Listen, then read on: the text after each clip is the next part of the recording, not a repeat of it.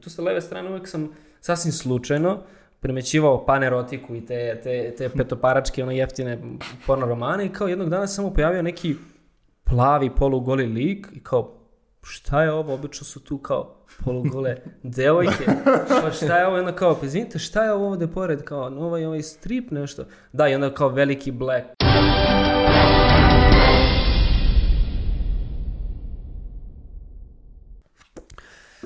Zdravo ljudi, u novoj epizodi Žiškinog podcasta Storage Time e, pričali smo o stripu, to jest o fenomenu stripa i dalje tamo o grafičkim romanima, odnosno grafičkim novelama.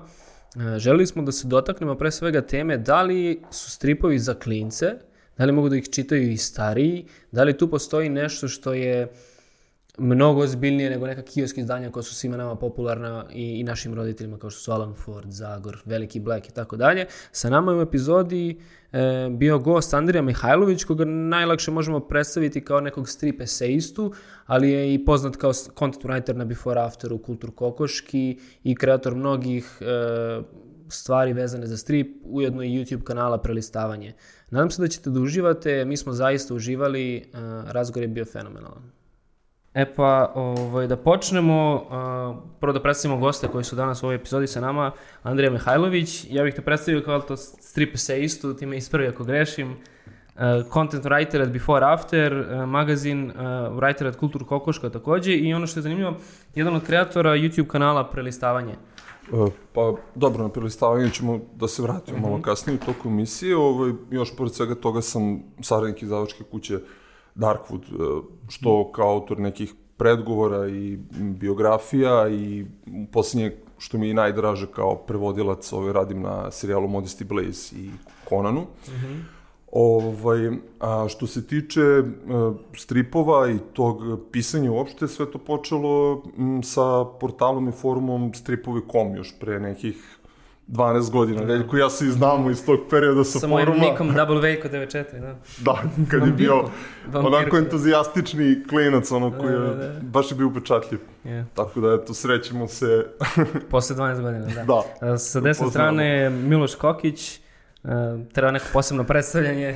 Pa ne, fora je što sam ja strip noob. U suštini, da. ono, stripovi meni nisu bili uopšte relevantni u životu do pre, pa ne znam, godinu, dve. Tako što misliš to žes kao, kako se odjednom samo? Baš smarali su me moji prijatelji koji vole stripove, ono, sa pet strana su pokušali da mi objasne zašto, kao, videli su njam taj blind spot, da kao ne razmatram stripove, uh -huh. i onda su pokušali da mi ono, pa probaj ovo, a probaj ovo, i sad sa sto nekih strana, i onda se u jednom momentu bukvalno pokleknuo, nije mi se ništa čitalo od stvari koje sam imao, pošto inače kao, između knjige i stripa ja sam odbirao knjigu, ili čak između stripa i filma sam odbirao film. I onda sam jednom momentu pokleknuo i rekao, ok, ajde, dajte mi neki od tih stripova koji su vam promenili život. A sjećaš šta je bio prvo što si čitao, kao u tom periodu kada si krenuo? Kao strip koji je promenio moje mišljenje. Neko, nego kao, kad si rekao, ok, ajde, pročitat ću nešto, što, se sjećaš šta je to bilo prvo što si pročitao? Uh, iskreno ne. Bukvalno, mislim, bilo je više, odjednom su mi donali kao prijatelji par stripova. Preformulišemo šta možda prvo što ti onako mm, najupečatljivije bilo. Znači... Sad ću ja ponovo da preformulišem šta je strip koji sam onda kad sam ja krenuo da, ovaj, da širim tu, tu zarazu, e, strip koji ja preporučujem ne strip crtačima da pročite jer smatram da je za mene naj, ono, to je za mene vrhunac stripa, vi ćete se možda smijeti, je Watchmen. Stvari, strip koji kad sam ja pročitao sam shvatio, ok, ovo definitivno po formi, po sadržaju parira bilo kom umetničkom delu kojem sam posvetio baš dosta pažnje i koji mi je dosta vratilo nazad.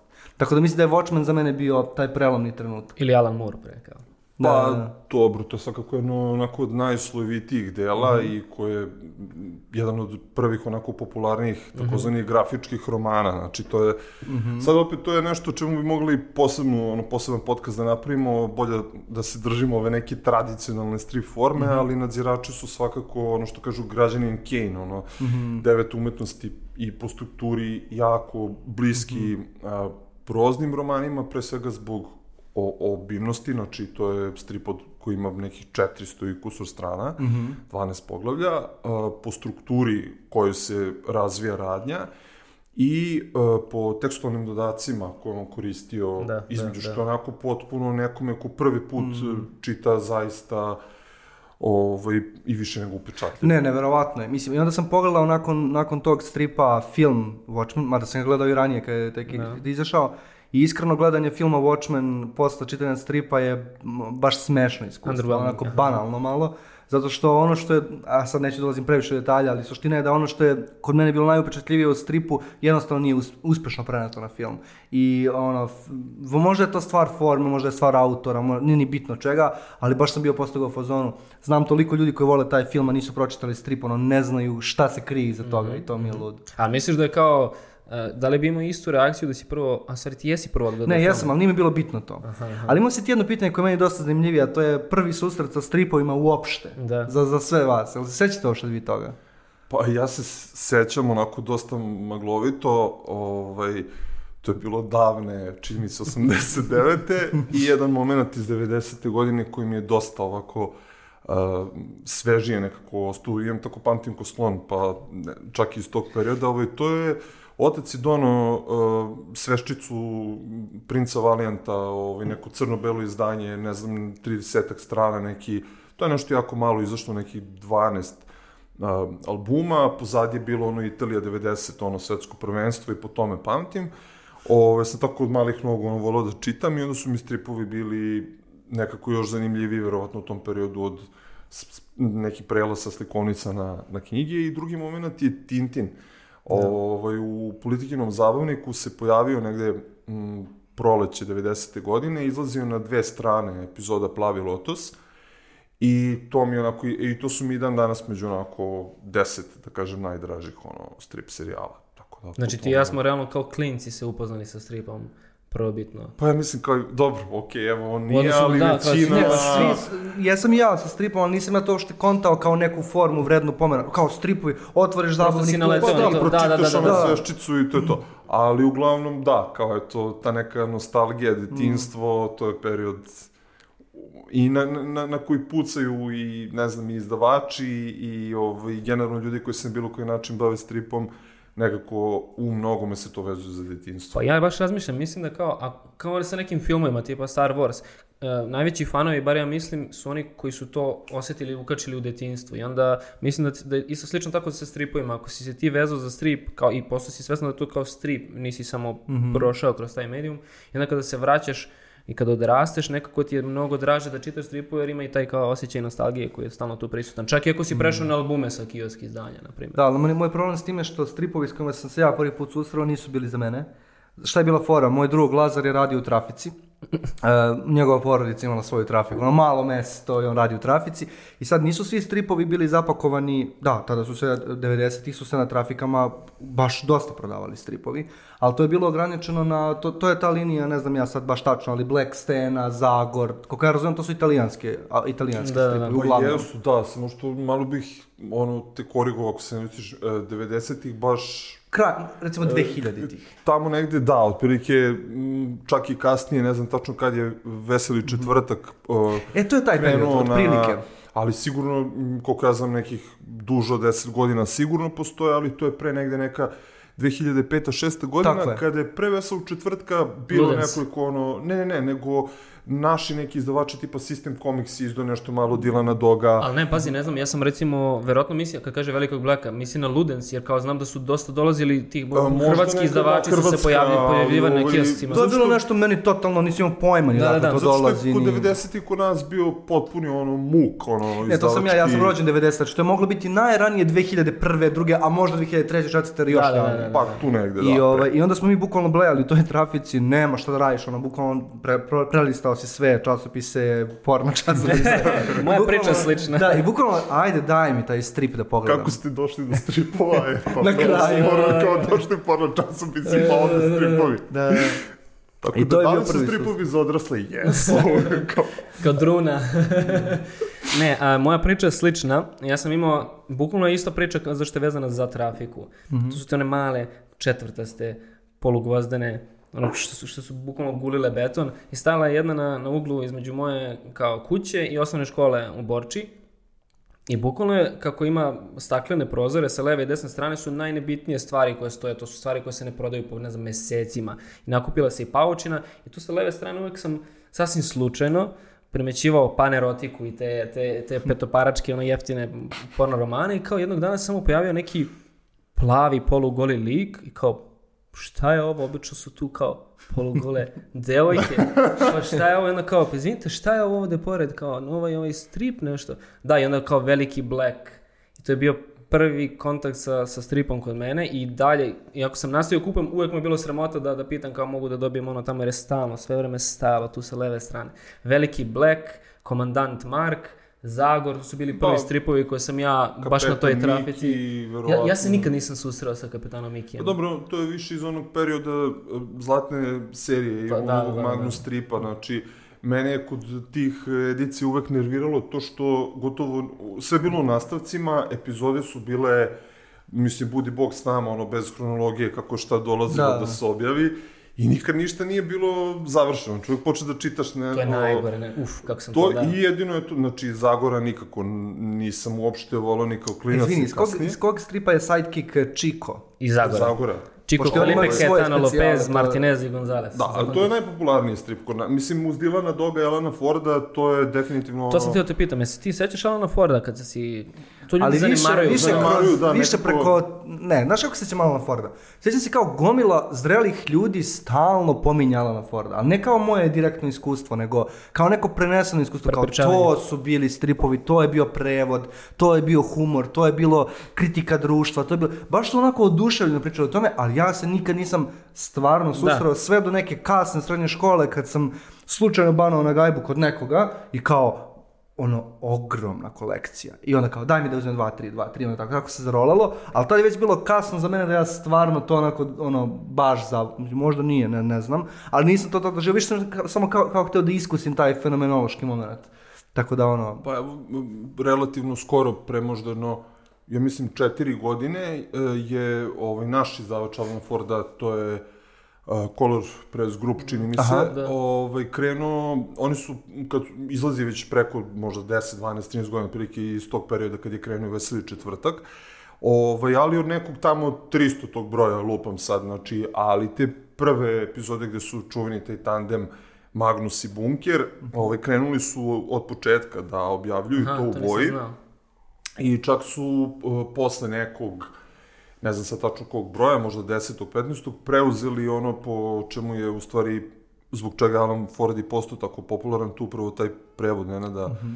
Brixija, tako da eto imaš sad priliku ako hoćeš da m, relativno je lako da nabaviš i nije ni skupo i ono možeš otprilike da uzmeš nasumično i, i ti i bilo ko ko hoće da se upozna sa tim fenomenom ali Alana misliš da bi Forda. vredelo danas upoznati se s tim fenomenom? Pa, To je e, nekako uvek aktualno, čini mi se. Menjaju se kao politički sistemi, ali dalje uvek kritika e, slična. upravo zbog toga što ono kao mi kao društvo se jako malo, ne samo Srbija, nego uopšte Balkan, nekako tim vrlo sitnim koracima nešto menja, iako se uopšte menja, i, ove, a Alan Ford je iz dva razloga ovaj, pa, popularan, najmanje dva, odnosno ne, nego ajde kao, a, prvi je ta neka društvena i politička da. satira, i to je kritika svih tih nekih nesposobnih ludačkih sistema, a, gde imamo one kao politika oličena one e, tri, Tri legendarne svinje, tri da. svinje, znači ti ona prasca koji sede onako zavaljena, identični su glavati, uh,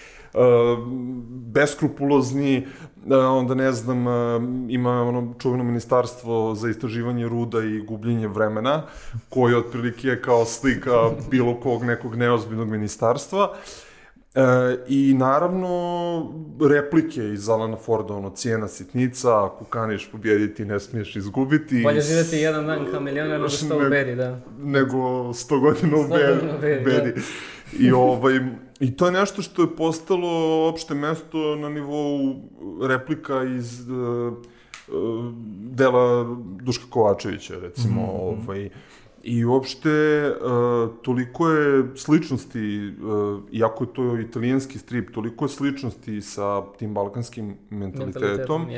Da je, ovaj, moram da ga spomenem, va, vaš pored ostalog kolega, Aha. stari Lazar Džamić, e, e, napisao knjigu Cvjećarnica u kući e, cvijeća, gde on poredi Alana Forda sa, pre svega, životom u Titovoj Jugoslaviji, ali i kasnije ovaj, koliko, koliko postoji sličnosti. Sad, evo da skratim maksimalno, ali on otprilike a, pošao od toga, a, Magnus mu je odnosno izvinjavam se, Bunker, scenarista, da. mu je u jednom mailu uh, napisao da je osnova Zalana Forda bila čuvana uh, ovaj, italijanska forma komedija dell'arte, koje, uh, koja se prevodi zapravo kao komedija improvizacije. Mm -hmm. I upravo uh, iz tog razloga na Channel 4 nema ono tabla je postavljena iz dva panela, znači svaka strana ili svaka tabla ima dva panela i tu stvari niz gegova, znači ono kada otvorite strip, vi imate ispred sebe četiri gega koji idu jedan ispod drugog, a ne jedan do drugog, ono, s leva nadesno, mm -hmm. ovaj, kao što inače, da. da kažemo, teče radnja u stripovima. Iz tog razloga tu je radnja sporedna, Znači, potpuno je, sve se svodi na neko... Sve absurdno. Absurdna da. snalaženje na upadanje iz neke tragikomične u još tragikomičniju situaciju i uh, Džamić tu izlači paralele sa snalaženjem u životu u Srbiji na Balkanu i uh, pravi jednu fenomenalnu onako opasku, on deli uh, društva evropska na uh, samo da ne pogrešim, glagolska, imenična i pridelska. Glagolska to su ova precizna radna mm -hmm. anglosaksonska društva, imenična su skandinavci koji ne vole da ulepšavaju stvarnost, nego eto, sve tako kako jeste.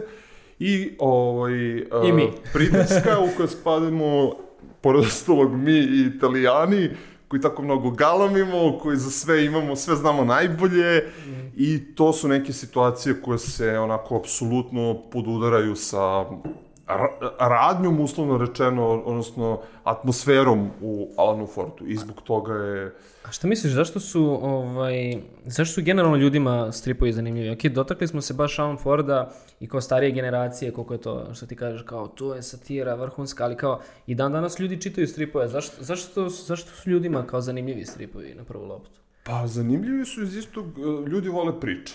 Znači, ovaj, e, strip nije ništa drugo nego gomila nekih priča ispričana na jedan poseban način, znači kao što film ima opet i u filmu i u književnosti a, koje su, od kojih strip najviše preuzima, a, postoji neka osnova, to je uvek priča. E sad, način a, na koji su u stripovima te priče ispričane, a, od svega uzima pomalo, pa to onako ovaj, da kažemo, sublimira u nešto jedinstveno, a to je taj taj strip, strip izražavanje ili stripski jezik. A, specifično je to što a, a, postoji onoliko koliko ima autora stripova, a, toliko ima i pogleda na svet. Znači, za razliku od filma, ok, ajde, kao da ostavimo sad animirane filmove po strani, mm -hmm. I zažmurimo na jedno oko, ali u filmovima ti gledaš ljude. Znači, ne možeš nekako da ih zamišljaš drugačije nego što su ti uh, predstavljeni. U književnosti opet, uh, tu je više... Koristiš maštu. Koristiš čitac, maštu, da, da. da. A u stripovima, uh, strip autor, odnosno, bez obzira da li je to kompletan autor ili samo strip crtač, ti pruža direktno ovako na tacni svoj pogled na svet. I mislim da je specifično to što uh, svaki strip je jedan specifični pogled na svet. Ok, jeste svaka knjiga, jeste svaki film, jeste svako slikarsko neko ovaj, slikarsko delo, ali uh, po tome, m, po, po, po toj nekoj ovaj, uh, po tom načinu izražavanja je strip onako Da li su onda stripovi, kao razmišljam, Uh, da li su stripovi onda uvek on the nose, u smislu da li je to što je, evo ti, ova priča i ova je radnja i ti samo čitaš iz zabave, ili kao u tom prenesenom značenju, to je u toj priči postoji neko preneseno značenje koje, koje je onako... Iako ti gledaš sliku i čitaš ono što je kao pisac, odnosno scenarista, htio da kaže, op, ipak postoji kao nešto, nešto iza toga. Da li, mislim, kao kod filma je mnogo lakše to da se, da se, da se postigne, kod knjige takođe. Da li, da li to postoji u stripu? Da li strip samo zabava? Pa pazi sad, da li je lakše, lako onoliko koliko je umešan e, pisac mhm. -huh. ili režiser ili koliko su talentovani glumci. Isto tako je kod stripa lako onoliko koliko je dobar strip scenarista ili ovaj, strip crtač. Uh, Znači, nekad su to kolege koje sarađuju, uh, u novije vreme, opet, kada su u pitanju ti grafički romani kao novija forma, uglavnom su to kompletni autori. E, tako da nema tu sad nekog odgovora da li je lako ili nije lako, znači prosto svi mi ono što kažu lepote oko posmatrača, pa sad mi svak, na primjer, evo, spomenuli smo na samom početku nadzirače koji su jednu tako jako kompleksnu delu i koje obožavam kao primer dobrog strip pripovedanja, je, dobrog, baš, da. dobrog svega, ali isto tako smatram da je taj strip užasno pojelo vreme. Znači, prosto mm on je vezan za taj hladni rat i bez obzira što postoji sad ta neka opet konfrontacija, nije isto, znači to je bio neki bipolarni svet, ovo je mm. multipolarni svet i... Evo sad serija ova to sam ja pokušava da, da ga ispegla i da ga aktualizuje. To. Da. Jesi ti gledao seriju? Uh, da, prvih par epizoda. I Ali nisam, nisam se motivisao da nastavim, iskreno. Mm. Mada sam čuo nekoliko prijatelja je bilo u fotonu, baš je jako dobra. Ali ja ne, ne mogu. No. Meni je bilo daring, meni je bilo kao ono, iskreno, totalno je obrnulo ono što je, kao što kažeš, jeste hladni rat zastero i mislim da su oni baš probali da aktualizuju taj problem i da su to onako baš su rizikovali i meni se lično dopalo. Sam čitao da je dosta, dosta pogotovo u Americi, taj kao racist problem, da je dosta kao preveličan i dosta, kao gomili ljudi se to nije dopalo baš zbog toga. Meni je bilo zanimljivo. Pa oni su poku... DC u stvari, komiks i ovaj Vertigo linija koja je bila da. nedavno ugašena, njihov eh, imprint takozvani, Oni su pokušali još pre nekoliko godina sa uh, prikvalom Before Watchmen, znači mhm. -huh. kao stripska forma, ja to počeo da čitam I nije to toliko na stranu da li je dobro ili loše.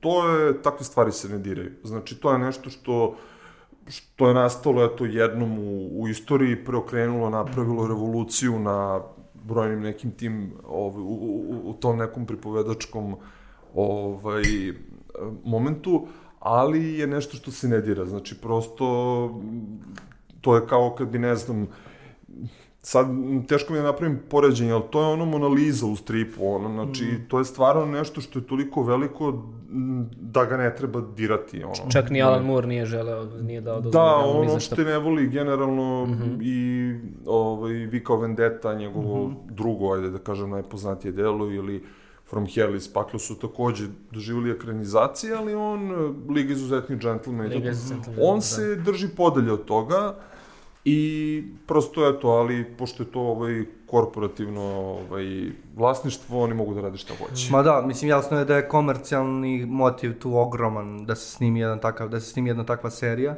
I jasno je da je nostalgija za tim stripom toliko i originalnim delom toliko velika da zapravo ti se rekao grafička novela, grafički roman ispravni Pa izraz. grafički roman, dobro, to je sad već, da. ovaj, kažem, neki ljudi, čak e, brojni autori smatraju da je taj kao pojam ili termin grafički roman tu uveden iz marketinških, kao eto, da bi se to prodavalo, da bi neke stvari prošle kao, ne znam, mm -hmm. uh, stripovi za odrasle, mm -hmm. u mhm. smislu za odraslu publiku, mm -hmm.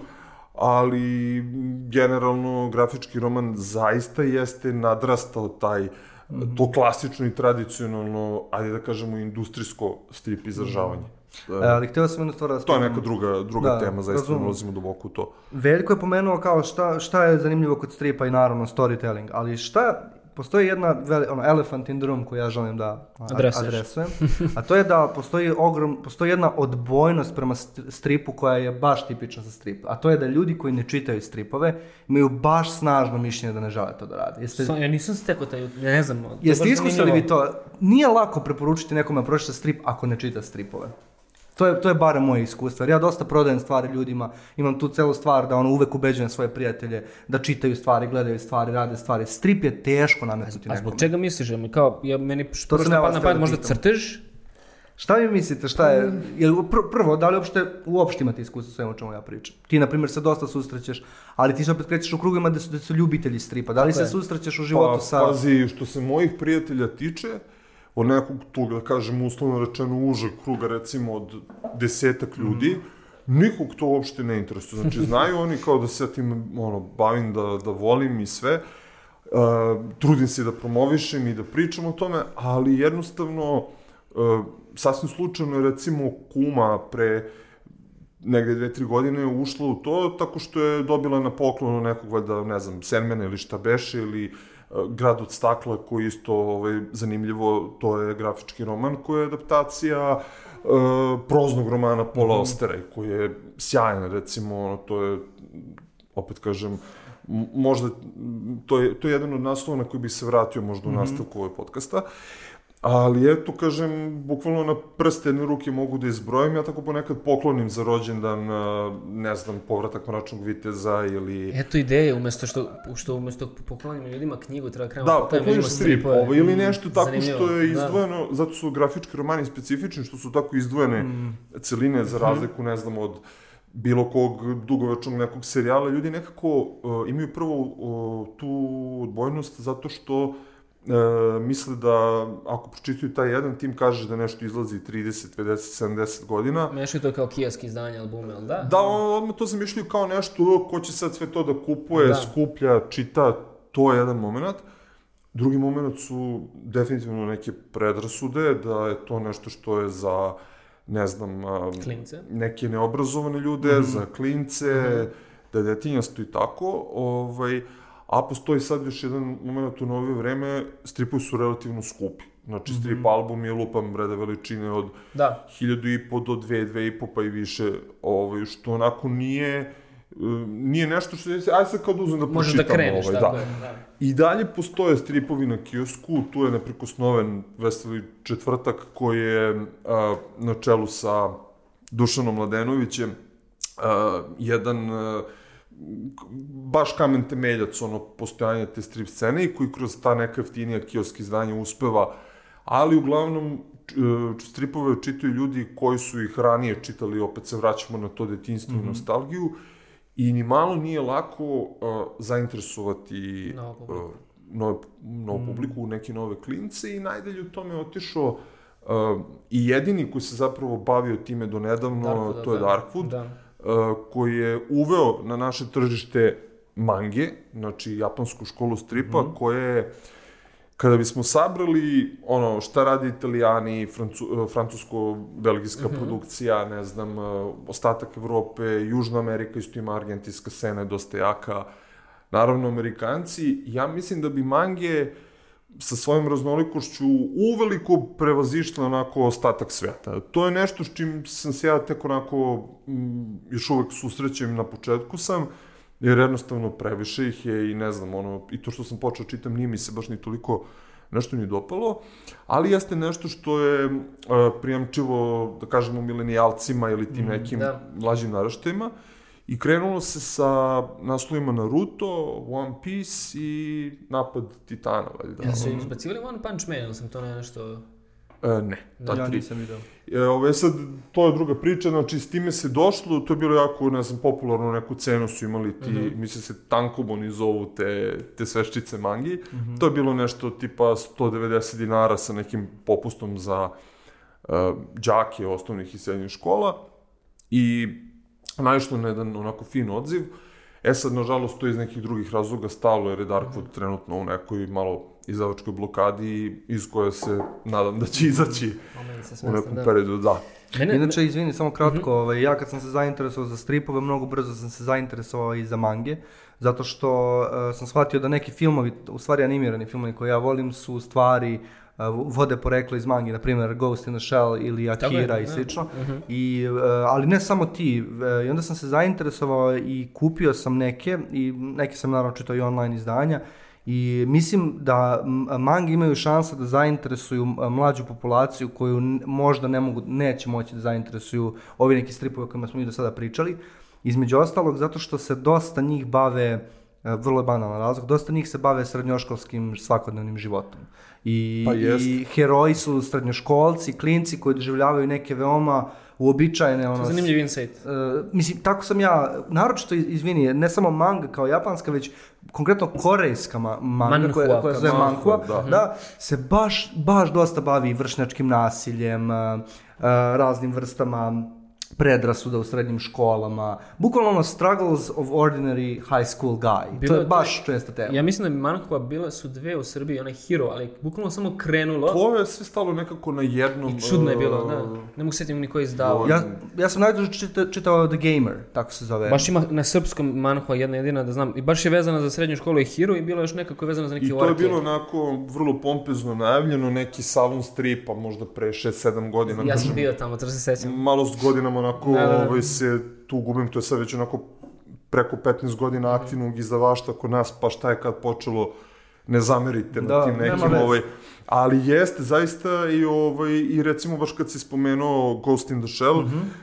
Darkwood se prošle godine, negde u avgustu, vratio posle te neke izdavačke pauze e, s tim izdanjem. Imam ga, da. Ono je u nekom rekordnom roku rasprodato. Iskreno i cena je bila baš motivišuća. baš su te spustili. e, pa to je to što se uh, sa mangama išlo na tu neku, ja sad ne znam stvarno, ono, da ne ulazim u taj deo, ali išlo se na tu neku cenu uh, koja, na popularnu cenu da bi one postale, da bi time privukli. I dobrim delom su uspeli um, jako mnogo lepih e, reči sam čuo o tom onako od sta- i to su kupovali ljudi koji ono kao znaš kao stripovi i kupovali su baš duh u oklopu eto zato što je jako popularan taj da. anime čuveni iz koje 95.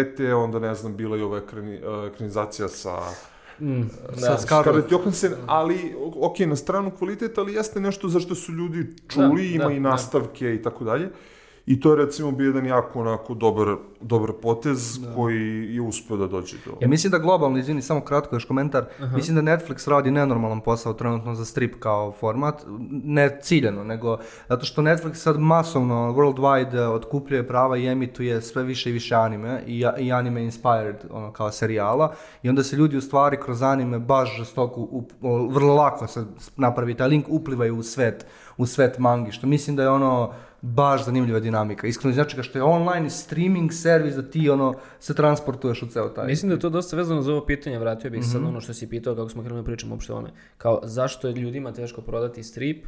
E vidiš kao mange, mnogo je lakše ljudi da, da, da čitaju mange jer su povezani sa animeima. E sad, ja razmišljam, kao ljudi su navikli, znaju kako da gledaju film, jednostavno postoji, to je nekako naučeno kroz generacije, isto i knjiga, znači jednostavno kako čitaš knjigu, a stripovi su kao neki drugačiji mediji, oni su između filma i stripa i sad kad se neko prvi put, put susretne sa tim, kao ne zna tačno kako da se... Malo je strašno, nisi Da. siguran da, da radiš to kako treba. Kao, šta se dešava? Ja samo- treba gledam Da. sliku malo, pa tek onda da čitam, ili Pa da opet čitam da pa da sliku, pa... Pa- to sad pitanje kako čitati Kako stripove. čitati stripove, da. Ovaj, ali mangi imaju e, nekako e, uopšte japanski njihov taj kultur, kulturološki Mhm. moment e, se potpuno razlikuje od bilo čega što je evropskog ili ne znam američkog porekla. Recimo, jako je popularan kod nas ovaj uh, Hayao Miyazaki sa Aha. Ghibli Studios. Ghibli studio, da, ili ne znam, uh, Haruki Murakami, Geopoetika ga izde, to je jedan od najpopularnijih stranih pisaca kod nas, možda sigurno preko 15 godina ili Da. tu negde. I definitivno, uh, možda zato što je toliko različito od svega, nekako možda taj moment uopšte mm, onako oči one velike nekako te akcione sekvence e, mangi su nekako brze za čitanje ovaj a to je mm, u saglasju sa ne znam e, video igrama koje su za mlade danas ono što su ne znam stripovi bili za, Za- za, da. za mlade 60-ih, 70-ih, 80-ih, e, sa filmovima koji su opet danas mnogo brže e, snimaju i nekako dinamičniji su, eksplozivniji, ide se na taj vizualni moment, a, koje mange imaju za razliku od tradicionalnog nekog evropskog i, i opšte zapadnog strip, e, strip izdržavanja. Ali mislim, pomenuo si na kratko video igre, da video igre danas pate i patit će od, istog, od iste bolesti od koje pati strip, a to je to što su flagovane kao nešto neozbiljno i klinački, a zapravo toliko su ogromne i toliko ima, ni, kao što video igre nisu jedna stvar, tako isto i svega što vi govorite, ja razumem, strip nije neka jedna stvar, postoji toliko nijansi, toliko Sve bogat... ovo što da. pričamo o stripu, ta neka dubina i to, to upravo isto može se kaže i za gaming Da, i... ali kao to je nešto neozbiljno za klinice, mislim, ono, kako, kako gledaju, ne znam, stari ljudi ili ljudi koji nisu u tom svetu, kao, ma eno ga čita stripove, eno ga igra igrice, ono, čak... Ali to je jednostavno tako za sve, uh, ono, standardno nešto ljudi osuđuju ono što ne razumeju, a neće, sad ne, ne daj Bože da ti kreneš nekome kao da nešto približavaš, tek onda, znaš, kao, em čitam se još bavi time, kao, da. razmišlja o Sad tome. razmišljam, da li je, da li je kao jako zanimljiv način da ti primakneš strip e, ljudima, da im zapravo objasniš kao pa i ono što gledaš, onaj, onaj, onaj, onaj, film ili seriju koju si gledao, pa kao to je nastalo od stripa, jesi ti svestan? Yes. Mislim da dosta ljudi nije svesno da su neke stvari potekle od stripa. Na primjer, evo sad je aktualno na Netflixu Lock and the Key, to je Loko ti ključ. E, tako sam se ja Strip. navukao. To je ta E, priča. uh, Watchmen, V za Vendetta. Da, kao što si ti spomenuo nadzirače, Mm, samo Ladies okej. and Gentlemen, to su sve stripovi koji su ekranizovani. Ili E, ekstremni primjer 300, zato što je E, da. frame by frame snimljen, bukvalno, ono, barem je to moj utisak. Onako kako je strip nacrtan, tako je... Da, to je slučaj sa prvim uh, ovim gradom greha, Aha, Sin, Sin City, City. isto, da. Pa to je bio jedan, Sin City, jeste. jedan moment koji je onako ovaj, kinematografski bio zanimljiv, totalno nevezano za. Odlično, za da. strip predložak i otprilike možda nešto najbliže kada je adaptacija, odnosno ili kada je ta neka povezanost između stripa i filma, možda se sa, ta, sa 300 i sa ovim gradom greha naj, najbliže došlo. Mhm. Ali generalno, e, mislim da stripovi nisu laki za, za adaptiranje. E, postoji čitav niz e, dobrih nekih adaptacija. E, bolji, uslovno rečeno, literarni predložak, kako ih tako posmatramo, su grafički romani. Tu, recimo, neki od mojih favorita, ovaj, Iz pakla? Ne, ne, ne, nego Ghost World. Aha. Uh, stao mi mozak, uh, svet, uh, svet duhova, ovaj, uh, gde je uh, autor Daniel Klaus bio direktno uključen u ekranizaciju. Uh, režiju je radio ovaj uh, Terry Zvigov, koji je poznat po dokumentarcu o legendi underground stripa Robertu Krambu. I to je jedan primjer gde je uh, priča uh, iskorišćena kao neka potka i oni su se držali, uh, ali su znatno proširili priču, prikazali u nekom novom svetlu i što je zanimljivo obojili je. Znači, taj strip je uh, onako smešten u jedno američko predgrađe, govori o, to je coming of age priča o dve devojke, da li ostati u malom mestu, da li otići na studije, da li ne znam, za, početi odmah da radiš ili već svi oni a, momenti sa kojima se svaki neki 18-godišnjak suočava. I ovaj, e sad, uh, u, tehnika kojom je strip obojen je dual ton, znači plava, onako ovaj, crno-beli i na to samo kao da kažeš plavi filter, znači neke sumorne onako boje.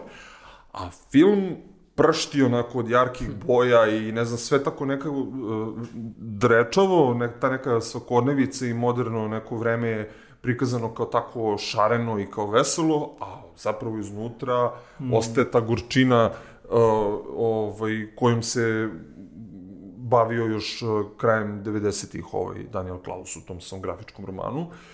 I moj ono all time favorit uh, The Crow, Vrana, znači koji Veljkovo godište, o, iz 94. A i dan danas je priča, ne znam, o povratku iz mrtvih, o osveti i tako dalje i tako dalje, da e, postoje, dakle, dobri primjeri, ali generalno, recimo, ovo što je Marvel radio sa svojim, Marvel je uzo i na osnovu stripskog univerzuma kreirao To potpuno je novi, najpoznatiji, da. ovaj, taj uh, cinematic universe. Mhm. I um, krenuo je od stripa, a otišao je negde u nekom potpuno desetom smeru gde se zapravo toliko udalji od stripa da ta popularnost Marvelovih filmova uopšte ono može da bude, a ne mora da znači da će se neko na osnovu toga um, okrenuti stripovima. Isto recimo Nolanovi Batmani koji su ono sjajni filmovi, ali Nema veze sa stripom. i to što imaju, upitno je da li će to nekoga. Tako da, kažem, zato te ekranizacije su malo diskutabilne po mom mišljenju, jer... A šta misliš, zašto se desi taj, e, gde nastane taj, to razilaženje, koji je motiv za to? Možda je ovo zanimljivo ljudima, jer sigurno su svi gledali bar neki Marvelov film, kao možda mogu da razumeju. Šta, šta su ti filmski autori uradili s tim te, strip e, tekstom, šta, kako su ga promenili? Uh, pa, ako o Hollywoodu govorimo, Da. Tuče, ovaj, pljašteći tu je CGI. to opšte, opšte poznato ono kako nastaju i koliko puta budu prepravljani neki scenarij, onda možda nešto što u početku i recimo meni neki od najdržih adaptacija su The Amazing Spider-Man sa ovim mm. Andrewom Garfieldom i, mm -hmm. i Emom Stone, koji su potpuno neku priču iz uh, 60-ih, 70-ih, upravo to, znači opet uh, ovaj moment uh, koji se spomenuo za mange, to, ne, ne znam, problemi srednjoškolaca i to, prenose ga u 21. vek i u suštini uh, jako verno taj odnos između, ne znam, Petera Parkera i Gwen Stacy, uh, Peter kao jedan nesigurni srednjoškolac, kasnije student, koji polako, eto kao, uh, koji se ostvaruje kroz tu ulogu superheroja, uh, uspeo je taj film to da uhvati uprko s brojnim nekim drugim nedostacima. A uh, problem je preveliko udaljavanje od uh, predloška. materijala, da. Jer kada hoćete da adaptirate Batmana ili, ne znam, Kapetana Ameriku ili bilo koji taj neki superherojski strip, serijal, to su serijali koji postoje 70-80 godina. I onda opet se vraćam na grafičke romane, opet je mnogo lakše uzeti jedan uh, konkretan, mm. uh, jedno konkretno delo, jedan naslov, uh, koji je zaokružena priča, koji je van tog kontinuiteta i adaptirati baš to. A, tako da, a, a, polazi se od neke prevelike ove širine, to pokušava, a, pokušavaju da to sažmu onako u, ne znam, dva sata filma, pritom se ide i na, i na neki komercijalni moment, mm. filmovi su danas mnogo zanimljivo. više vizuelno, vizualno atraktivni nego scenaristički, kao što je to možda u neka u Meni pretnim decenijima bio slučaj. Meni je zanimljiv jedan uh, primer... Uh, Hoće li pas da uđe? Već duže vreme pokušava. A meni je zanimljiv jedan primer kada ćemo, no, ako već pričamo o, o, o filmu i, i o Hollywoodu, a, a zanimljivost je zato što je aktuelno. A, ne znam da li ste gledali nekad film Snowpiercer. Mm. Pa samo znam da postoji. E, a, čini mi se da je režiser ili jedan od režisera tog filma zapravo ovaj korejski režiser Jest. koji je napisao uh, Krokodila. Ne, uh, parazita, parazita da, pardon, da. mogu da ti potvrdim da je to tačno. Da, I da. to je, to je recimo meni zanimljivo kao jedan jako interesantan film koji sam ja, koji se razume u stripove, uh, mislim, pratim ih sve to. Ja sam pogledao film, ja nisam bio svestan da je, da je on zapravo nastao od stripa, kao i meni se potkralo to da, ko znam mm. koliko dobri kao filma ljudi nisu svesni da, da, da su Evo baš izlazi sad uh, u izdanju uh, Makonda, ovaj, ako se ne varam, Snowpiercer treba da se pojavi sad. Mm -hmm. Baš kao strip, Video sam, da, strip, da, da, da, svakog da. trenutka, ovo je Nisam bukvalno nešto najavljeno je. Na, na face. Sprema se izlazak. da.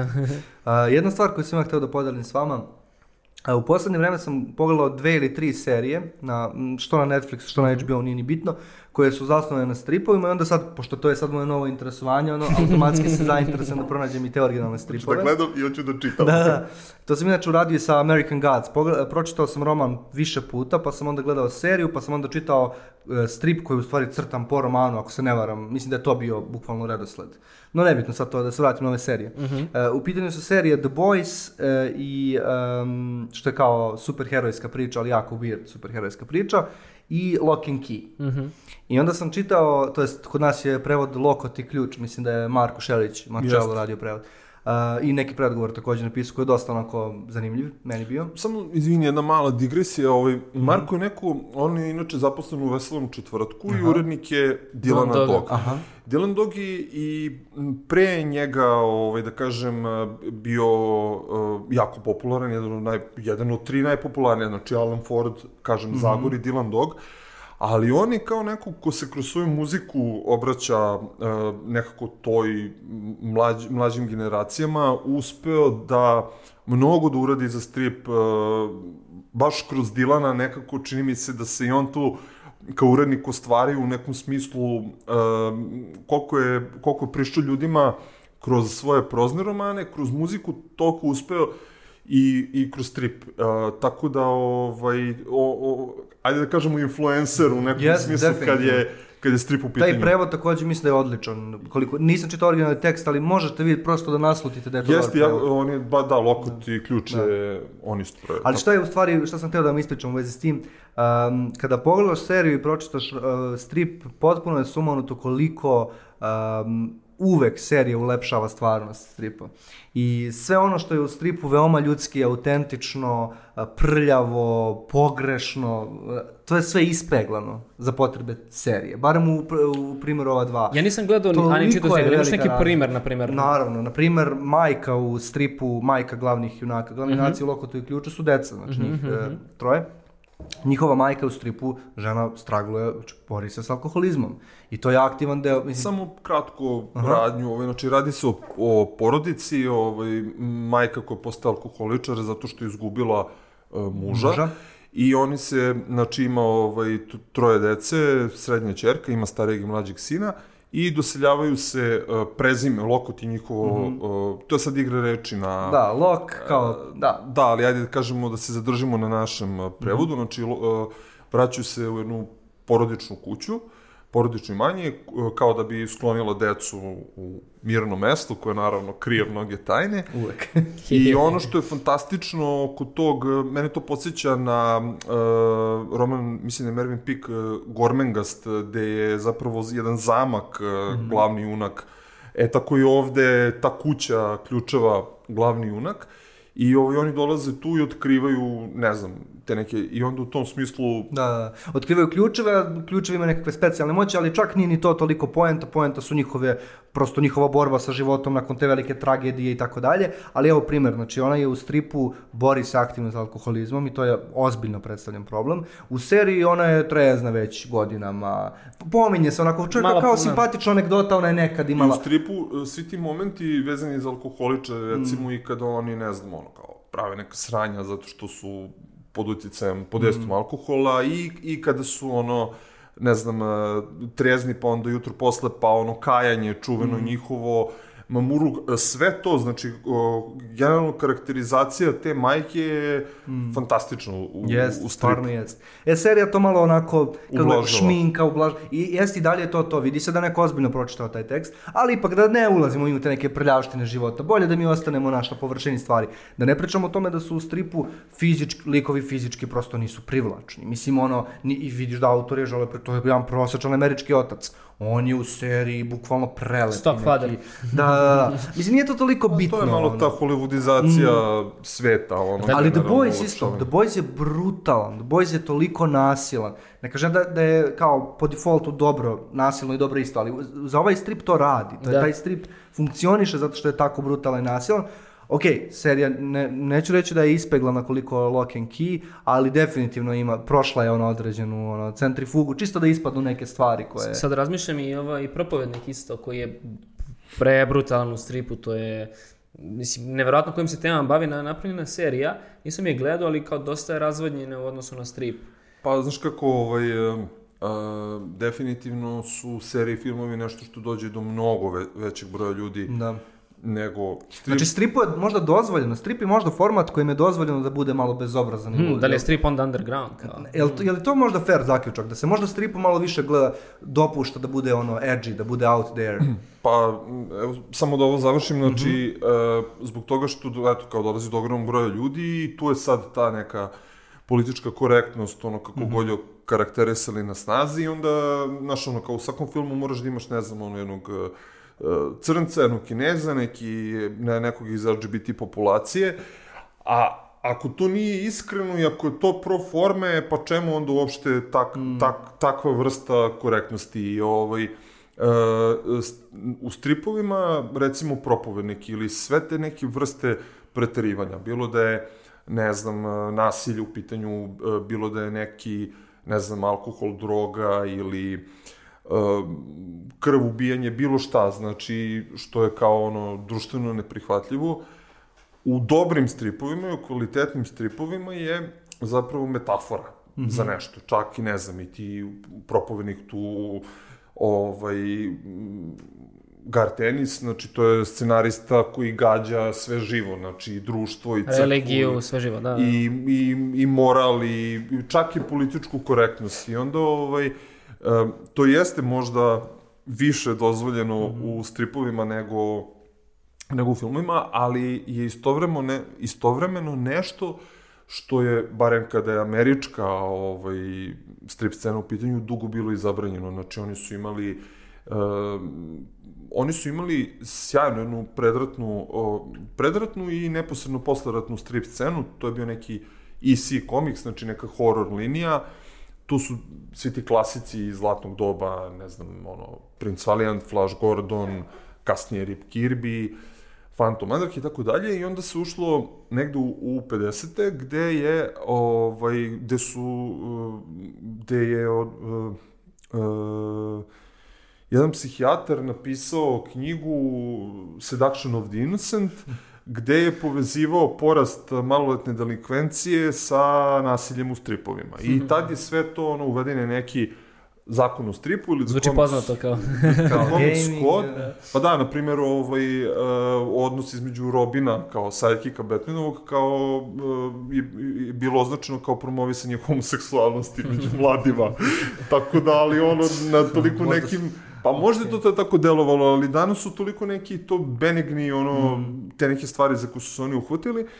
I, ovaj, I onda je zapravo dugi niz godina uh, sve to, znači, bilo strogo kontrolisano u stripovima na isti način kao što je sad kontrolisano u filmovima, samo što se nije zvalo, eto, politička korektnost, nego, eto, zvalo se The Comics Code. I onda su se strip autori, opet kažemo, ovo važi za američke ovaj, autore, dugo borili sa time, ono, tokom 50-ih, 60-ih, odnosno 60-ih i 70-ih, kada su superheroji u pitanju. I onda imamo, ne znam, polako neke, neko pogine u stripu i više se ne vrati. Znači, nije ono kao, pošto su te smrt u stripu jako ono, relativan pojam. Naravno, da, to je jako I zanimljivo. onda je čitav niz, uh, čitav niz priča uključivo upravo borbu uh, sa zavisnošću uh, kada su i, i droga i alkohol u pitanju različite socijalne probleme i onda kada se tu nekako superherojski strip, odnosno autori društveno angažovali, dolazi do onoga što se naziva odrastanjem ovaj, Mhm. američkog i superherojskog stripa i kruna toga su upravo ti nadzirači o kojima pričamo. Ali to je onaj moment, je li tu fair pomenuti da su se desili neki Britanci koji su, koliko, koliko, koliko ja razumijem, ostvarili jako veliki uticaj. Alan Moore, da, pre svega. Pa Alan Moore, Neil Gaiman, e, da, znači to je takozvana Grant Morrison, znači takozvana britanska invazija koja se desila tokom 80-ih, ali to su autori koji su u kvalitativnom e,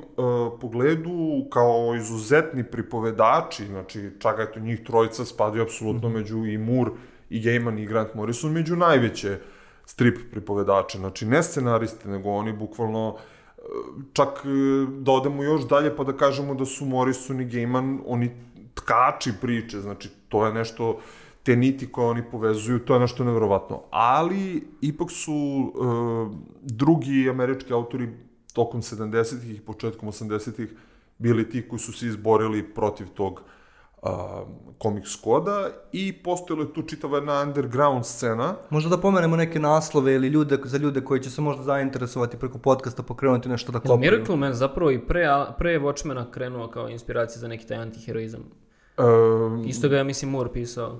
Jeste, ali to je neka druga, to je ono kako je on od, kako Alan Moore od i Frank Miller, naravno, da, Da. ga ne zaboravimo, on je, ovaj, to Trista. su, 300, evo ga tu. A, to su scenaristi koji su od nekih starih onako junaka ili od eh, junaka sa nekih, koji su spadali u B naslove, napravili uh, nešto mega popularno, hit i mainstream. Ali uh, od ovih naslova, recimo, kod nas je objavljeno a ne znam kako je tačno prevedeno, da noć kad je umrla Gwen Stacy, mm -hmm. čarobna knjiga je objavila uh, pogibiju ove prve ljubavi Petera Parkera i to možda m, meni je jako draga priča, znači ko je gledao uh, dva filma koje sam spomenuo, znači The Amazing Spider-Man 1 i 2, mm -hmm. Setit će se da su, da je prvo poginuo otac od Gwen Stacy, onda u drugom delu poginula ona i ovo, to je zapravo kao ta smrt Stacyjevih, to su te dve priče, smrt kapetana Stacyja i, i smrt Gwen, u kojima se uh, javlja i uh, upravo ti problemi sa drogom, znači borba sa zavisnošću ovaj, Harry Osborna, koji je ono najbolji prijatelj Petera Parkera, i priča koju bi makar eto kao neko ko hoće nešto malo više, eto da se pozabavi to nekom istorijom stripa i razvojem stripa, koju bih ja onako izdvojio kao Zanimljivo, bitnu. da. I, Darko je uh, izbacivo, ne znam, Dvor Sova je meni isto zanimljiv. Kao, kao... Ali to je sve novija, nove produkcija. Pričamo sad o ovom momentu gde se vide te neke promene Aha. u nastajanju. I još jedna priča, eto da ne idemo sad tu da gađamo ljude naslovima, to je možda ono i moj all time favorit, uh, Frank Miller, uh, Daredevil ponovo rođen. Mm -hmm. I mislim čak da je trenutno uh, na nekoj rasprodaji čarobne knjige akcija po mm -hmm. 500 dinara, da tako nešto. Ono... Izvini, ja sam te dobro razumio, bitno mi je da ovo ukačem. Ti si sada naveo neke autore i primere ljudi koji su uzeli neke strip junake ili serijale koji su postojali i onda su im, bukvalno su ih kvalitativno podigli na više nivo, to jest dali ono... Ljudskost. Dali To su je, im... to je jedan, mm -hmm. uh, da kažemo, jedan tok mm -hmm. razvoja. Drugi tok su borbe ovih samih američkih autora kroz to neku mm -hmm. socijalnu angažovanost, gde onda raz, strip, pored toga što je zabavan, on postaje i mediji. Mm -hmm. Recimo, Spider-Man uh, promoviše uh, tu borbu srednjoškolaca, ono kao taj neki daily struggle. Uh, X-meni uh, kao mutanti promovišu različitost u društvu. Mm -hmm. Polako se tu recimo u Kapitanu Americi kao sidekick javio ovaj, Falcon mm -hmm. kao prvi, mislim barem prvi superheroj uh, crne boje kože. Znači, I to su promene koje nastaju u, u jednom smeru. A ovo, uh, to preuzimanje, na primjer, Frank Miller je uh, redefinisao Daredevila, Alan Moore je redefinisao stvorenje iz močvare, to se kod nas objavljeno. To je nešto drugo i to su, da kažem, dva neka toka u razvoju uh, superherojskog stripa koje se stapaju i onda dobijemo ta tela uh, povratak mračnog viteza, nadzirače, uh, i druge koji su beležili. Da, to je ono što mene jako impresionira u stripu, uh, pomenuo da si malo pre Marvelov, Cinematic Universe i tako dalje.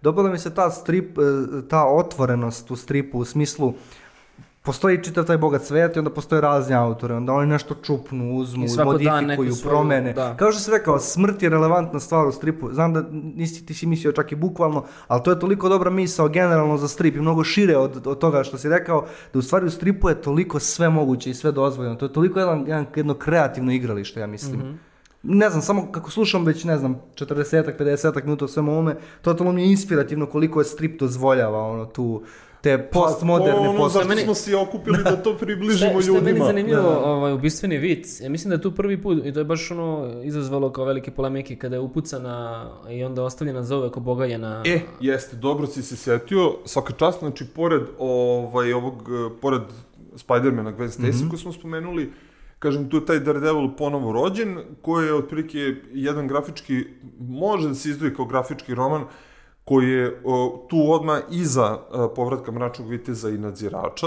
mm -hmm. na, iza povratka mračnog viteza stoji isto Frank Miller. Mm -hmm.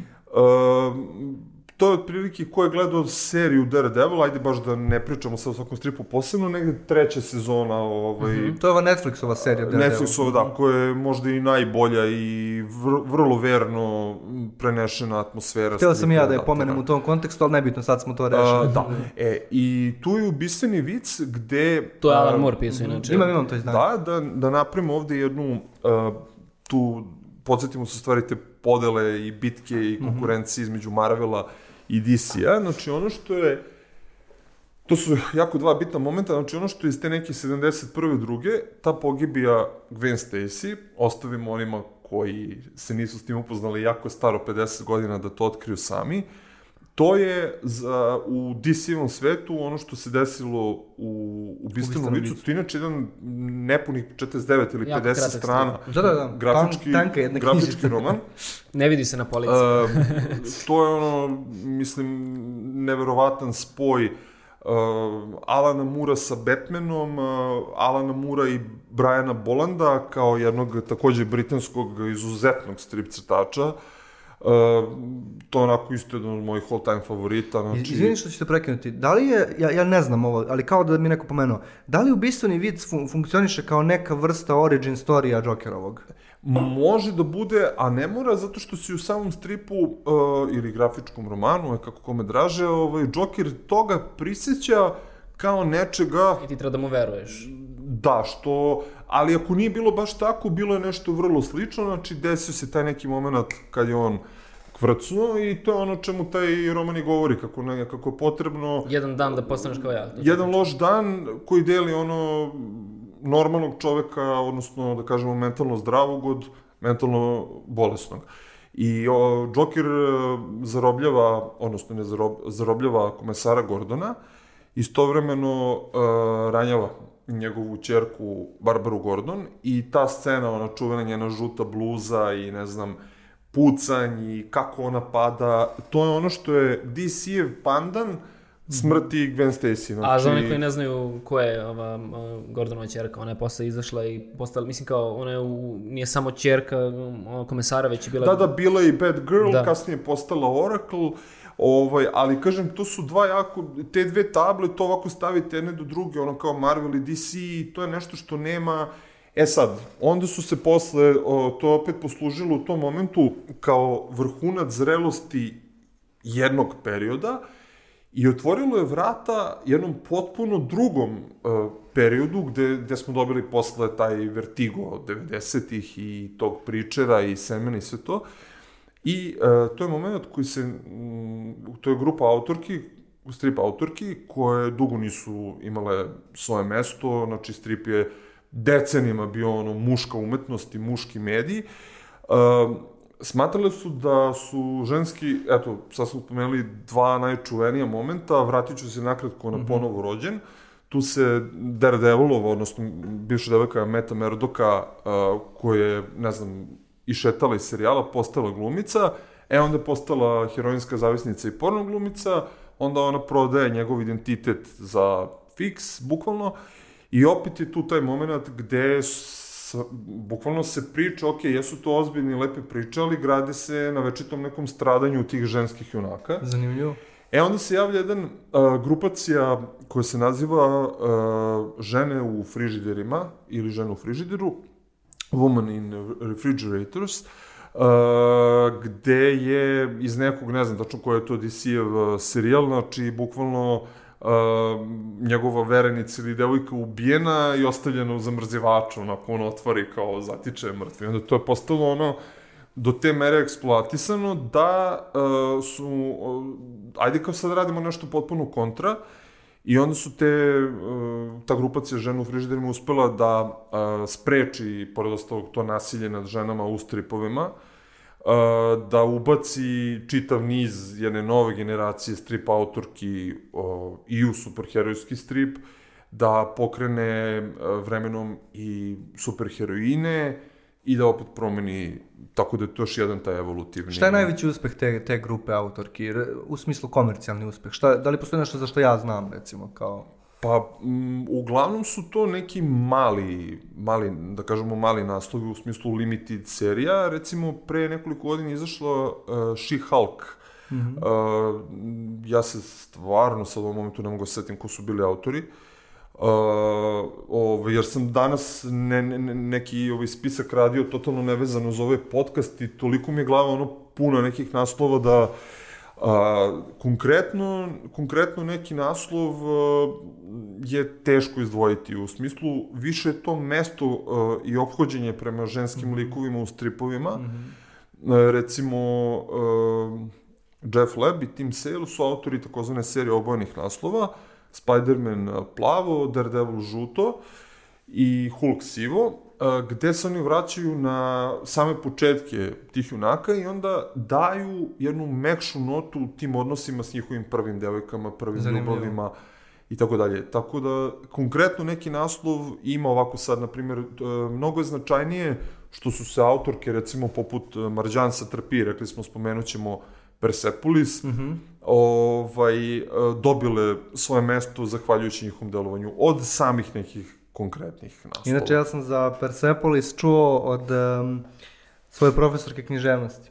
To je ono što si pričao si o njoj, je da. tako? Da. Ona je nama prosto, ono, govorili smo o nekim knjižnim delima i ne znam kako smo došli na tu temu, onda je ona pomenula taj strip kao, u stvari ga je navela kao još jedno književno delo koje bi trebalo pročitati da bi se razumeo. Da bi se razumelo. U čemu se kao onda razlikuje ono, okay, pisanje scenarija za film, pisanje knjige, pisanje stripa? Pogotovo što je strip, mislim, i prepoznatljiv je po tome što jako često imamo taj duet u smislu ima neko ko piše scenario, to je ko piše tekst u stripu, ima neko ko crta i onda kao da li se oni dopunjuju dovoljno dobro, kako se dopunjuju. Čemu ili, je, tačno... je, ili je to ponekad jedan autor, je li tako? Nekad ume da bude jedan, da. Pa, kažem, sa grafičkim romanima češće je slučaj da je to jedan kompletan autor i onda on daje tu kompletnu svoju ovaj, sliku sveta, znači i to je možda uh, još izraženije nego kod, tra... jer, na primjer, superheroji imali ste kao, ne znam, uh, tog čuvenog Jacka Kirbija, on je postavio te neke osnove i kako fizika i uopšte kako funkcionišu superheroji, e, kako, kako crtati. I onda su narednih 10 godina crtali onako kako je to formulisao Jack Kirby. Onda je posle došao, ne znam, John, John Buscema, kao neki koji je više davao tu na atraktivnosti, na anatomiji, na uh, samim pokretima i onda to se vremenom menjalo, ali su u tim decenijima svi morali da crtaju onako kako, ili recimo ako uzmete bilo koji Bonelijev strip, imamo tu taj neki realističan izraz i to je nešto što Bonelli forsira. Koje su, tako da... koje su sad onda, izvini što te prekidam, sad pomenuo si Bonelli, pričali smo dosta i o američkoj školi stripa. Koje su to ono najprepoznatljivije, prepoznatljiviji kao pravci i to škole stripa, kada bi neko kao ko, ko sluša sada podcast, rekao kao pa kao, hm, stripovi, kao pa neću čitam Supermana, neću čitam Hulka, Spider, mislim da to kao dosta, dosta ljudi imaju na, na prvu loptu, stripovi su super heroji. Znamo da imamo francusku, belgijsku školu stripa koja je dosta, dosta drugačija. Da li isto, da li kao slično kao i sa filmom, naprimjer imamo hollywoodski film, imamo totalnu suprotnost je evropski film, film koji je kao više mm. vezan za tu kao dublje značenje, više ovaj, umetnički filmovi nego što su to pa, hollywoodski. Da li je tako i sa stripom? Pa je, i jeste i nije, zato što uh, strip je pre svega u Americi m, tradicionalno zabavno štivo. Znači oni imaju te svoje mesečne sveščice od, ne znam, 21, dve strane, oko 20 to varira.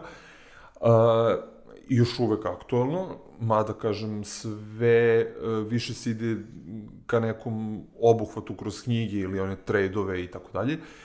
Kod Francuza je E, strip umetnost. Znači, kod njih e, nema, e, ima nekih revija u kojima se serializuju stripovi.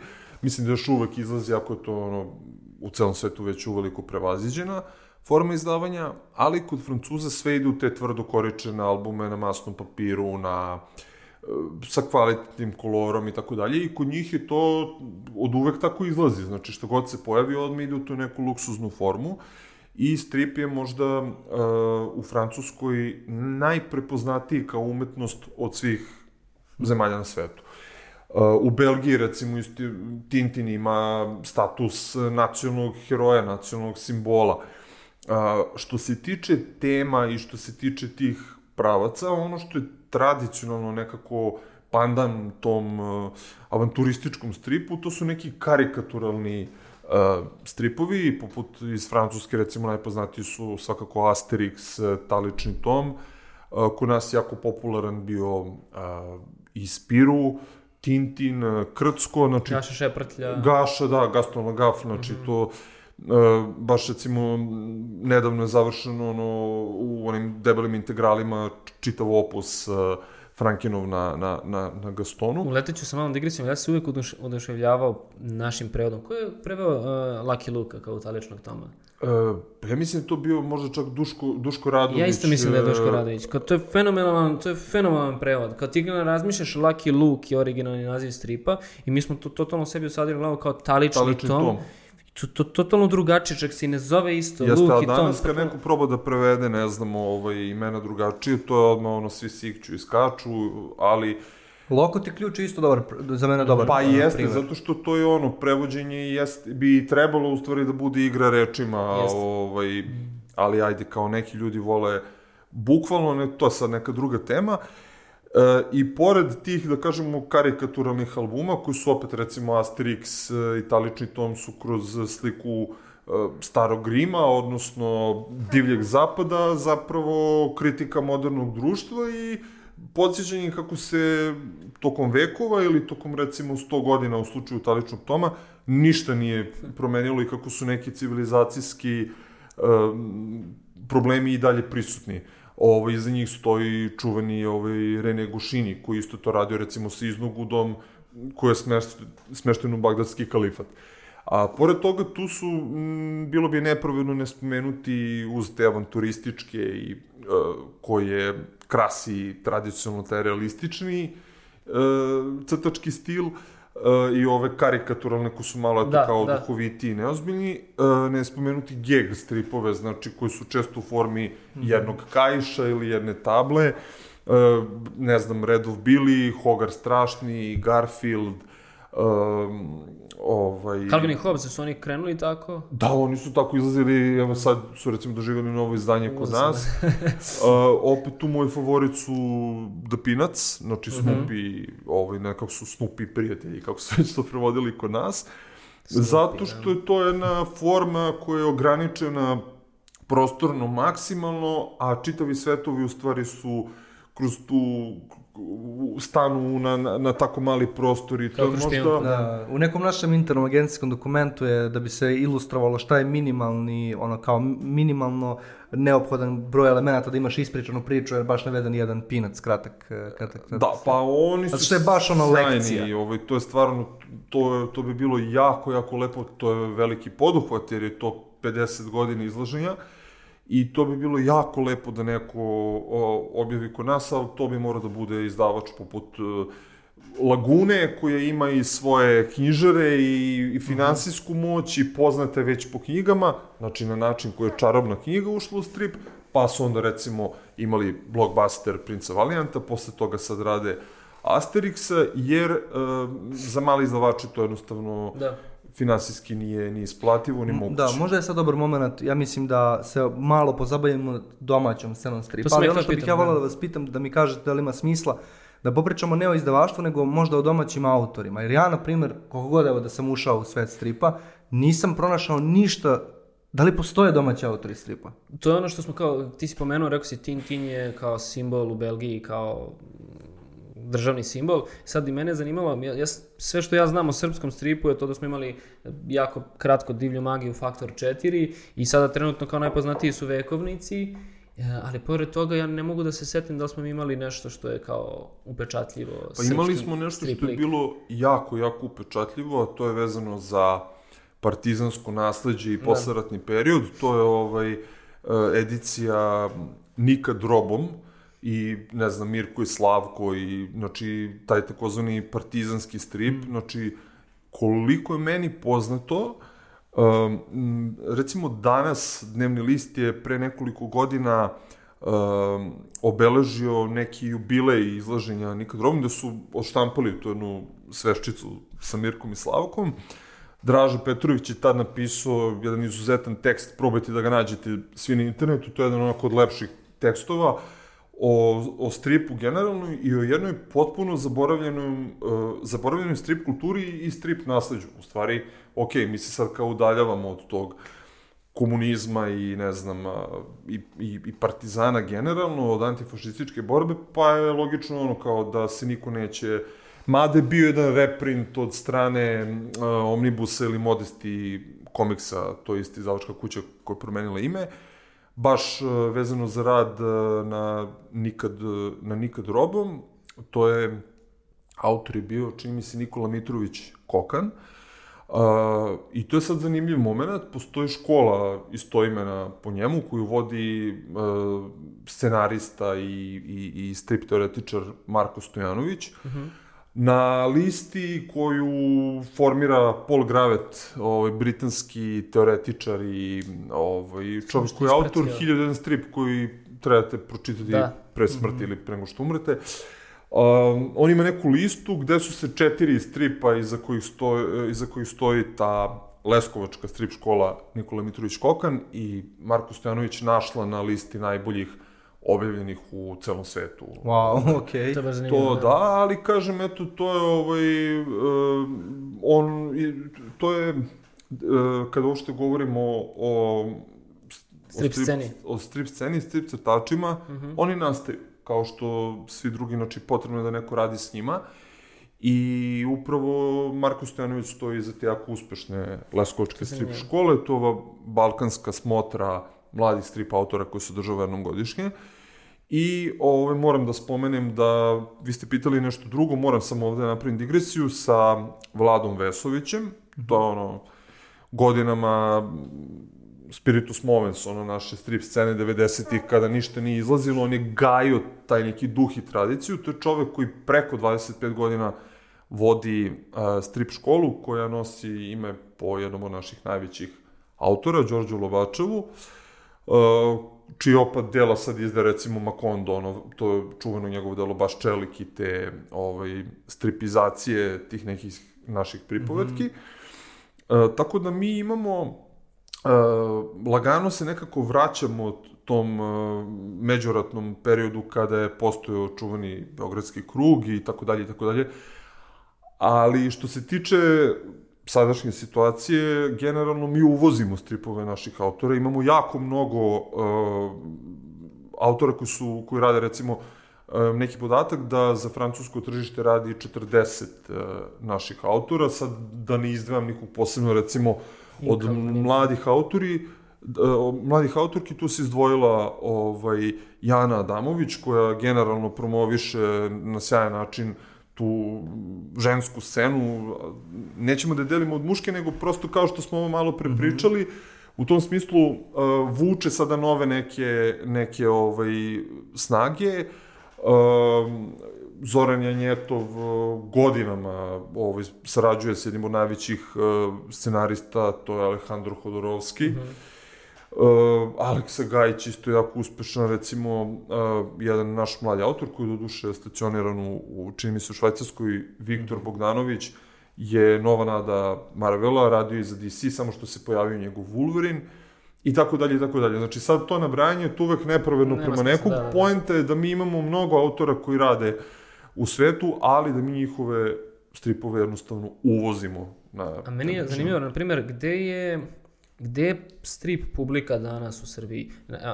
Nešto što, je, što sam zaboravio da napomenem kada sam se prvi put susreo sa stripovima, to su bili stripovi na kiosku, ali sam onda ja kao klinac bio, kao, a, neki novi svet sam sad otkrio, šta da, je ovo mi je uzbudilo. Da, 4, divlja magija. Gde ću, gde ću, ne pričam samo o srpskom, nego generalno stripu, kada sam se upoznao sa stripom, kao pa, gde, kao, ali ima ovde još nešto, kako da saznam, i onda je moj prvi kao instinkt bio, ok, tek se pojavljivo, razvijao internet u Srbiji, ja sam otišao na, na Google, kucao forum, stripovi.com i tu sam kao, a, ovde imaju ljudi koji, dalje, koji čitaju stripove i kao, i postoji još gomila stripova. I Veljko 94. I Veljko 94, užasan nickname, ali ostalo je, i kao, tu sam ja otkrio, tu sam produbio svoju strast za stripom, tu sam krenuo i da pišem recenzije, tu sam krenuo i da se zaljubljujem i dalje u, u, u, u neke mnogo, mnogo zbiljnije stripove, a sad mene zanima, ja sam lako otišao na taj forum, ali nekako mi je forum već sad prevaziđena forma komunikacije na internetu. On i tad bio preva, i te neki 2008. Ali to tad jedino bilo što je postojalo, nigde nisi mogao. To je tad bila prevaziđena forma, već je početa je ovaj web 2.0 e, i krenulo su društvene mreže, pa vidi na fejsu ima tih e, grupa, ne znam, stripofili, utočište stripofila, ima dosta grupa vezanih za prodaju, ali nema, ne postoji... Ali da li je to poziv onda za kao uh, strip izdavače u Srbiji da promene način na koji komuniciraju, da, da se obraćaju publici na Facebooku, na Instagramu, ok, tu je sad i TikTok. Da li, da li to mora da se promeni način komunikacije? Da, da nije više prošlom, samo... prošlom podcastu ste se baš bavili TikTokom. TikTokom da. Da, li, da. da li je to samo onda kao prikazivanje novih izdanja i kao kataloška obrada novih stripova kroz postove ili mora da se desi neka interakcija uh, gde se pozivaju fanovi da se slikaju sa stripom. Pazi, evo, samo da se kratko osvrnem na ovo što, prethodno što smo pričali, znači, postojali su ti neki pokušaj 90-ih, iza kojih je kao scenarista uh, stajao uh, Milan Konjević. Uh, to su bili ovaj borci sumraka generacija Tesla, pa onda neka 95. 95. 6. 7. godina, pa je to stalo, pa su onda početkom 2000-ih opet pre tog veselog četvrtka i povratka Bonelija na kiosk a, na kiosk prodajna mesta a, bili ovi Divlja magija, Faktor 4, poslednji neki pokušaj, ali tu sve, znači, nastoji koje može da nabrojiš ono na prste jedne ili obe ruke. Znači, Oni su, ja mislim, i kreatori, ono, Edit ja, je li tako nešto? Ne, ne, ne, to je Aleksa Gajić. Ovaj. Ali, ali je slično, slični su likovi kao iz Faktora 4, je li tako? Ima slična, slična karakterizacija. Baš A, mislim da je inspirisano ok, to bi, o, o tome bi se sad dalo raspravljati. Da ne odlazimo dalje. Ove, ali, uh, generalno, uh, tu je on, recimo, jedan mali, mali ovako, ove, na, vrlo mala izdavačka kuća i izuzetno interesantan projekat zabava za celu porodicu, mm -hmm. čiji je scenarista uh, Vlada Tadić, koji je ono i urednik i možda i najveći poznavala stripa kod nas. Uh, E, i koji ima jako mnogo, mnogo dobru ideju, to je stiglo nekog 25. 6. broja, možda odmaklo dalje i tu je opet stalo. Um, tu je Pavle Zelić sa družinom Dardaneli i naravno Marko Stojanović sa vekovnicima. Ono što mm, ljute se to kad kažem, generalno ti domaći strip autori i ljudi koji organizuju te festivali i to, mnogo pozemljivanja ima. Znači, tu se koriste, ne znam, Kraljević Marko u vekovnicima kao glavni junak u družini Dardaneli, to je ono rip-off Ligi izuzetnih džentlmena i to sami scenaristi ističu u intervjuima kako su, eto, ne znam, našli uzor u Alanu Muru -hmm. ili ne znam kom drugom autoru. Uh, zabava za celu porodicu je jedan uh, redak originalan, onako, apsolutno autorski uh, pristup. Ali ono što fali, fale scenaristi, stače imamo sjajnih, fale scenaristi, originalni scenaristi, znači neko ko će bukvalno od nule nešto da kreira i da predstavi, fale još više urednici koji bi umeli time adekvatno da upravljaju, Znači, urednici ne govorimo o tehničkom uredništvu, nego o tom nekom ovaj, kvalitativnom i kreativnom procesu i fali izdavačke kuće koje bi to podržale. U smislu, nemoguće je za bilo kog našeg izdavača da ide na...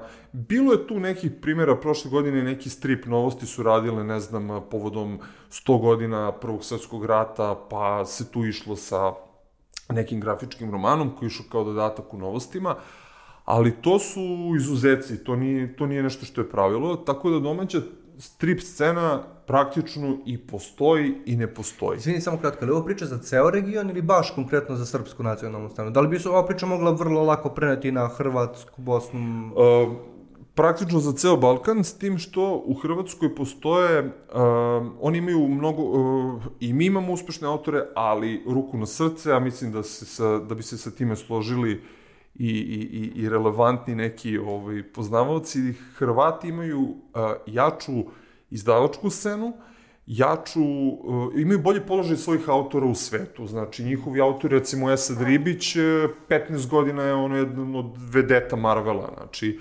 uh, Darko Macen isto imao zapaženu karijeru i tako dalje. I onda nekako čini mi se da imaju ozbiljniju, iako im je, kod njih je Fibra, znači jedan jedini izdavač koji mm -hmm. pokriva sve, ali su se nekako njihovi autori probili bolje u svetu, ali što se tiče hrvatskog stripa kao takvog, to su opet neki neki uh, primjeri koji bi se mogli opet nabrojati na prsten. Recimo moram da spomenem uh, sjajnu splitsku uh, autorku uh, Sonju Gašperov, koji radi na nekom serijalu uh, Vučine, pored ostalog. Uh, izgooglite malo čemu se radi. To je upravo ovo čemu pričam, apsolutno originalan uh, pristup. Ona polazi od onoga uh, čovek je čoveku Vuk, mm -hmm. Vuk je Vuku čovek, pravi malo tu neku inverziju i gradi čitave nove stripske svetove. I to je po meni uh, možda u poslednjih 15 godina najbolji primer kako autorski, kako autentično pristupiti nečemu, tako da je to nešto što na našoj strip sceni uh, definitivno fali i kao još jedan problem se javlja, uh, m, to često ističe ovaj, Milan Jovanović, do skorašnji urednik Darkwooda, da ne postoji taj neki es, esnavski pristup, znači ne postoji udruženje izdavača, uh, I iskoristit ću, izvinjam se što vam kradem vreme, sad sam imao, moram da spomenem baš na, na kontu toga kako da dođe strip do uh, većeg broja ljudi. U Hrvatskoj je strip zastupljen u bibliotekama, njihovim knjižnicama, mnogo više nego kod nas. Znači, kod nas se ti otkupi uh, koji bi mnogo od strane države pomogli izdavačima, vrše onako ad hoc, potpuno onako bez nekog reda, a postoji čitav niz naslova koji bi mogli da se nađu kao školske lektire, možda otprilike evo tu negdje završamo ovu priču i ja bih se usvrnuo na samo makar još jedan naslov, to je Maus Arta Špigelmana. Mm -hmm. Znači, to je delo koje je apsolutno po svim nekim merilima, merilima ako ga postavimo sa uslovno napravimo poređenje sa filmovima ili književnošću, radi se o priči koja govori o preživljavanju holokausta. Odnosno... Baš bih da tu sad prekinuo, mislim da je to dobar način da kao i da, da, da polako završavamo sa pričom. Je to, je, bilo bi zanimljivo da preporučimo ljudima, svima koji gledaju podcast, kao ako, se, ako hoće se upoznati sa stripom, koja su naša neka top 3 strip kao strip i stripova ili grafičkih novela koje, koje bismo sad mogli da kažemo. Kao je, pročitajte, upoznajte se stripom kroz ova tri stripa. Zato sam krenuo da, znači, pa, krenuo pričaš o Mausu kao jednom od tih, pretpostavljam. Pa ja baš ovaj, prošle godine bila zanimljiva zato što su se desili reprinti uh mhm. -huh. od nekih izdanja koji su prvi put objavljena pre 12, 13 ili 10 godina. Među njima su uh, upravo Maus, koji onako, iz njega stoji novosadski komiku, to je, mislim, komikov izdavački Zenit, jer ne vidim šta bi mogli to da objave, što, ali komiku ima, e, recimo, spomenuti svet duhova je onako uh, neko štivo koje se ispravo čini kao za devojčice ili za devojke, zato što su glavne junakinje dve devojke, zapravo ima m, Daniel Klaus je autor jedne izuzetno onako socijalne imaginacije i ja bih preporučio recimo uh, kada su grafički romani u pitanju, sve duhova koji će sad doživjeti treće izdanje i uh, Mausa, koji je reprintovan prvobitno ga objavio sam izdat B92, zato što te izdanja pokazuju tu neku kulturu čitanja kada su stripovi u pitanju koja, znači ne reprintuje se eto samo zato što se rasprodalo i zato što je bio mali tiraž i zato što je popularno, nego za, zato što je postignut jedan kontinuitet u izdavaštvu. Malo se bavi, dakle, temom preživljavanja holokausta, tako što su čitave nacije predstavljene kao određena... Uh, životinske vrste. Životinska vrsta, da. Znači, jevreji su uh, miševi, uh, Poljaci su uh, Svinje. svinje i Nemci su mačke. Mm -hmm. To se navaljavaju na kraju i Amerikanci kao psi. I to je ovako um, odlična jedna alegorija kako su bile postavljene stvari u tom periodu, ali ono što je još važnije, to je uh, autobiografski i biografski i autobiografski strip. Zašto? Zato što Ars Spiegelman kroz uh, njegov otac Vladik je bio taj koji je preživeo holokaust, Znači, on uh, kroz uh, priču u odnosu sa ocem evocira te njegove naracije iz čitavog ono, otprilike ono kao otkazan za sebe, ja slušam o holokaustu, ja sad ću da uzmem da, da napravim grafički Ali roman. je toliko duhovito. Uh, tu bacu jednu minijaturu gde se, uh, čini mi se, prisjeća majčine smrti i, ovaj, i uopšte taj njegov odnos sa ocem je jedna, jed, jedan tok priče, drugi je kao taj neki flashbackovi koji se direktno dotiču apsolutno ono neverovatnih stvari koje su bile potrebne da se izbjegne takvo jedno masovno stradanje na takvom mestu kao što je bio Auschwitz. I ovaj, za te svoje napore kreativne je on e, dobio Pulitzerovu nagradu, mm -hmm. koja se dodelja u oblasti novinarstva mm. i ovaj, i, i, i ima taj, Maus ima tu jednu dokumentarističku vrednost i apsolutno uh, je uh, tako jednostavno nacrtan da na prvi pogled kad neko uzme šta je ovo kao neki mišić i nešto, delo onako zabavno, poveze, po, povezaće to sa Disneyevim mm. likovima, realno s tim nema nikakve veze, jako ozbiljno delo, jako potresno delo, um, i e, prozni aspekt, znači prelepo napisano, jednostavno, a jeste poenta da se ureže, da se ne zaboravi tako jedno stranje. Tako da to Da, recimo ja sam isto dosta rano susrela s Mausom i baš sam bio odlep, potpuno sam odlepio kad sam shvatio da to postoji. Jer opet ta, taj moment sa predrasudom, bio sam mlađi i pomislio sam nemoguće vidi strip koji je kao klinačka stvar, Da. govori o nečemu veliko važnom, Da, da, da. ali potpuno je ludilo iskustvo i kogod nije čitao Maus, nije se susreo baš, ja bih isto preporučio ljudima da, da, da sebi to dozvole, zato što je mno, nenormalno je potpuno. Ja bih preporučio sad, ajde nećemo da na top 3, ali jedan skoro izašao... Pa, iz- svako izdao- po nešto. Pa da, izdao ga, ma eto, može tamo na ukupna tri. Iz, izdao ga je Darku, da to je izletnik, to je, nismo pričali kao, ja mislim da su Brazilci eh, pisali. Jeste to je zanimljivo, kuriozitet, to su ove braće blizanci, Braća Blizanci, a, da, Fabio Moon i Gabriel Ba. tako nešto, jeste. To su, pa da, to je priča onako iz... To je coming of age priča kako sam ja doživao. To je, i mislim da će to biti re- relevantno ljudima koji gledaju ljudi koji se ono pokušavaju da se pronađu u svetu, pa e, način na koji, na koji taj strip napisan je meni, meni izvanredan. E, to, to mi je baš nešto od, od, od ove godine, to je od 2019. šta sam čitao, to mi je baš ostalo u sećanju i to bi, mislim da je to jako jedan E, pa dobar to je strip da se preporuči. Kad kažemo grafički roman u stvari, to je ono što je ovaj, grafički roman i roman, u smislu nalikuje tom nekom proznom prepovedanju, i grafički u smislu što ima autentični izraz. I izletnik je apsolutno jedan od te nove generacije stripova ili grafičkih romana koji može da, eh, da bude blizak ljudima koji vole književnost. A onda mm. kada se upoznaju sa tim od serijala, pa ja bih izdvojio Dilana Doga. Mm -hmm. Da nismo pomenuli. Pomenuli smo, ali toliko malo. Da, koji je osnovi horror serijal, a koji zapravo, volim da kažem za njega, strip koji miri sve ukuse. Znači, ako hoćete nešto laganije i jeftinije, zato što to su mm, kioski za njih, ko ne znam, oko 220-230 dinara, Kažem, mnogo je ljudima taj finansijski moment, ono kao uzmu nešto listu i kao, jel, ovo košta, ne znam, 2 ili 2,5 hiljade dinara. I onda kao, da će da se zaleti da, evo, recimo, Dylan Dog je jako lep uvod kroz priče koje su, taj horor je samo fasada, to su bukvalno od ljubavnih priča, od nekih egzistencijalnih, do, do traženja onog zla u ljudima, pa onda kako nešto što izgleda zlo je u stvari dobro, recimo nešto što su na izgled monstrumi, mm. ovaj, i tako dalje, i tako dalje, da time otprilike zaokružimo priču. Cool. Inače sad sam nasmeo se, se setio, postoji bosanska mim stranica koja se zove Sinan Beg, koja pozajmljuje, ne znam znaš za to, ne. koja pozajmljuje uh, crteže iz Dylan Doga, ali ih stavlja u današnji bosanski kontekst. I prezabavno. Nisam znao za to. Prezabavno. Ne. Mislim, neko jako duhovito to vodi. Uh, imamo jednu čudnu tradiciju na kraju svakog podcasta, a to je um, nađemo neku jako weird reč, znači jako bizarnu reč, sad ćemo naći Sveta Stripa, ti ćeš vjerojatno doprineti, uh, koju onda ljudi u komentarima ponavljaju ako su stigli do kraja podcasta. To je kao način da proverimo da li su ljudi stigli. Jel ti pada neka stripska čudna reč?